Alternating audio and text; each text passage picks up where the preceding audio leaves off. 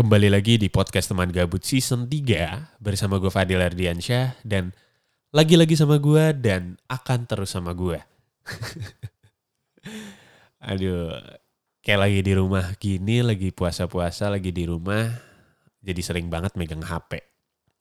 Tapi gue jadi kepikiran, semakin sering kita megang HP berarti semakin sering juga kita buka sosmed, kayak Instagram, Twitter, Snapchat, dan lain-lain. Dan semakin sering kita lihat sosmed, kita bakal semakin nyadar kalau banyak banget orang yang sifatnya aneh-aneh di internet. Maksud gue kayak banyak gitu orang-orang yang kayak punya dua kehidupan, yaitu kehidupan nyata sama kehidupan maya. Sifatnya bisa dibilang sangat bertolak belakang. Kayak misalnya contoh di kehidupan nyata orang ini sifatnya pendiam banget.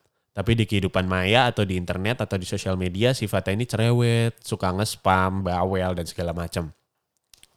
Ada lagi orang-orang yang di kehidupan nyata sifatnya cinta damai, tapi di kehidupan maya sifatnya nyolot, seakan-akan orang yang paling berani. Ada banget tuh yang kayak gitu. Jadi kayak misalnya yang suka nge-spam-spam komen ke artis-artis atau ke siapa itu, itu kayaknya termasuk sih. Kayaknya kayak kalau lu lihat di dunia nyata itu orangnya diem-diem, tapi ternyata di internet tuh apaan sih kayak sampah banget gitu ketika nek ya mungkin itu termasuk orang yang gue omongin sih atau orang yang gue maksud Terus selain orang yang punya dua kehidupan, banyak juga orang yang hobinya ngomongin politik di internet. Sebagai disclaimer aja nih, bukan gue anti politik. Karena sebenarnya iya sih, gak, gak, gak, bercanda. Tapi itu gimana ya, politik tuh sensitif gitu loh. I mean gak dikit masalah yang tercipta cuman gara-gara beda pandangan politik. Nah, karena kebetulan gue anaknya cinta damai banget nih. Dan bukan dan bukan pencitraan ya. I mean, gue di dunia nyata pun cinta damai di internet juga nggak pernah aneh-aneh jadi bisa di, bisa dibilang gue ini adalah golongan orang yang cinta damai. Jadi gue nggak suka aja nih kayak ngelihat uh, perpecahan apalagi di lingkungan terdekat gue. Nah oh iya di sosmed tuh juga ada banget nih orang yang sukanya nyebarin hoax gitu kan. Asli jujur gue tuh nggak ngerti banget sama orang yang hobinya tuh bikin berita yang nggak bener alias hoax. Apakah dengan nyebarin hoax tuh bakal bikin seseorang kelihatan lebih keren gitu Kan gak juga. Apakah dengan nyebarin hoax bakal bikin seseorang kelihatan lebih jadi yang paling tahu gitu? Ya iya sih, tapi gak ada keuntungannya juga dari titel itu, dari titel yang lu dapatkan itu, si paling tahu itu gak, gak ada keuntungannya juga. Tapi makhluk-makhluk yang bisa gue bilang si paling tahu ini, gak cuma bertebaran di sosmed aja. Bahkan di setiap tongkrongan juga pasti ada tuh yang kayak gitu. The one who thinks their opinions is the most correct gitu. Pasti ada. Pasti ada. Dan gue yakin banget orang-orang kayak gitu tuh kalau baca atau denger atau nonton sesuatu yang baru, langsung mereka sebarin aja gitu. Tanpa di cross check terlebih dahulu ataupun di filter dulu. Sebenarnya itu tuh bener apa enggak gitu. Nah, kalau ngomongin si paling tahu dalam tanda kutip, sebenarnya kalian nyadar nggak sih kalau sesuatu yang dekat banget sama kita itu udah jadi yang paling tahu segalanya tentang kita. Tahu apa yang kita suka, tahu apa yang kita cari, tahu apa yang kita mau kita lakuin, dan sebagainya. Si paling tahu itu, asal lo tahu, namanya smartphone. Entah smartphone apa yang kalian pakai ya, mau iPhone, mau Android, as long as itu smartphone, it's the same. Itu sama aja. Yang jadi masalah di sini adalah gue abis ngalamin itu. Jadi ada masanya beberapa waktu lalu gitu ya, gue lagi nyari-nyari part-part sepeda dan gue obrolin tuh sama bokap. Kayak gue sekalian minta advice gitu kan. Karena bokap gue juga kebetulan main sepeda. Dengan posisi gue emang lagi pegang HP dan gak lama setelah itu setiap gue buka aplikasi apa pun entah Instagram entah e-commerce Stockped Shopee dan segala macam pasti ada advertisement tentang part-part sepeda yang emang lagi gue cari. Dan menurut gue itu gila. Serem banget. Zaman sekarang benda mati yang deket banget sama kita yang setiap hari kita pegang, yang setiap mau tidur kita pegang, yang setiap kita bangun pertama kita pegang, itu udah bisa denger dan tahu apa yang kita mau. And I think that's insane. Gue pernah nonton sebuah dokumenter gitu di Netflix, judulnya The Great Hack.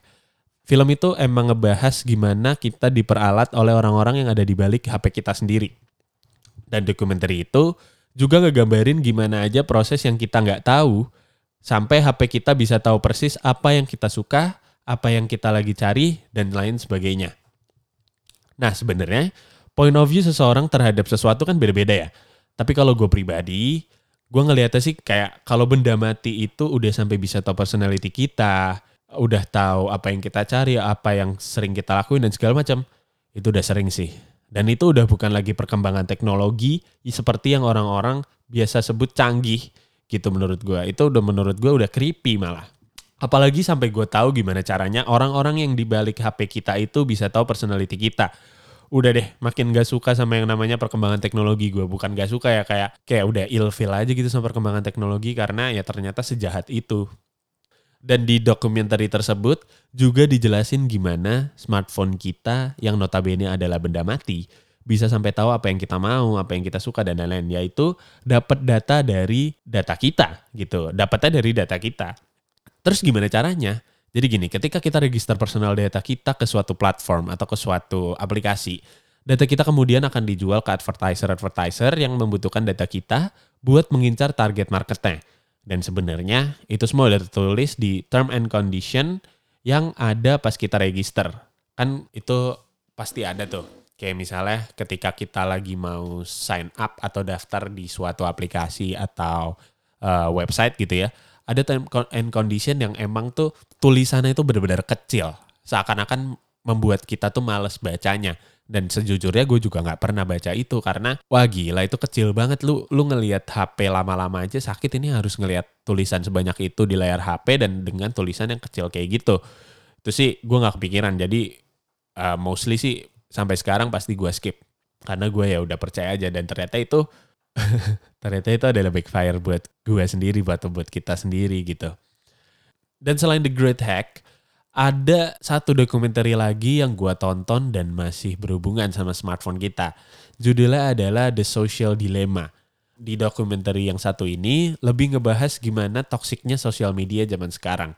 Di mana hal-hal yang founder maupun developer dari beberapa sosial media yang besar-besar seperti Facebook, Twitter, Instagram, dan lain-lain nggak menyangka bakal menumbuhkan efek yang sangat negatif dari platform ataupun fitur yang mereka ciptakan dan kembangkan.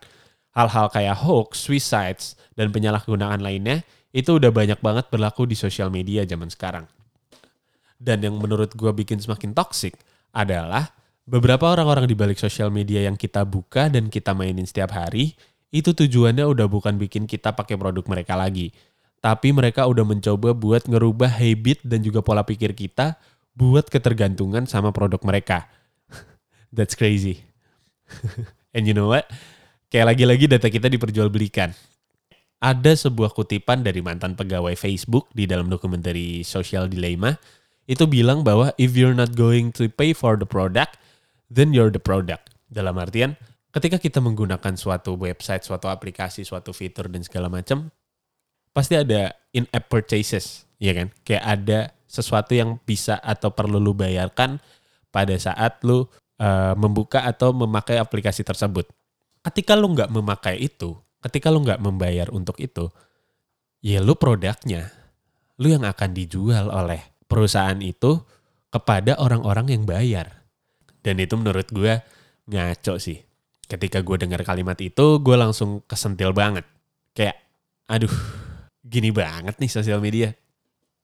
Jadi kayak bisa dibilang secara kasar kita tuh diperalat oleh sosial media. Ketika kita nggak bayar untuk memakai jasanya atau advertisementnya ya berarti kita khususnya data kita dipakai oleh sosial media atau perusahaan tersebut untuk menjadi sasaran pada advertiser yang membayar untuk beriklan. Bahkan sesimpel notification tuh ternyata sangat berpengaruh loh buat mereka atau orang-orang yang dibalik sosial media. Sesimpel lagi deh. Pernah gak sih kalian dalam beberapa jam gitu ya nggak buka sosial media, sebutlah Instagram deh. Terus kalian dapat notification yang banyak banget. Yang nggak normal deh dari Instagram. Ya itu karena yang mereka cari adalah kalian membuka aplikasi Instagram. Akhirnya mereka dapat traffic gitu. Jadi ya kalau menurut gue perkembangan teknologi itu ada sisi positif dan negatifnya sih tergantung gimana kita bisa ngatur diri kita sendiri terhadap sosial media. Bukannya kita yang diatur oleh sosial media. Dan terkadang smartphone dan sosial media bisa menjadi sangat menyenangkan untuk kita. Tetapi ingat, mereka tidak sebaik yang kita kira. Ketika kita berpikir mereka sudah mengenal personality kita, itu salah bos. Sebenarnya mereka sedang memanfaatkan kita. So, kita harus tetap bijak dalam ngelakuin hal apa pun, termasuk main sosial media dan juga smartphone.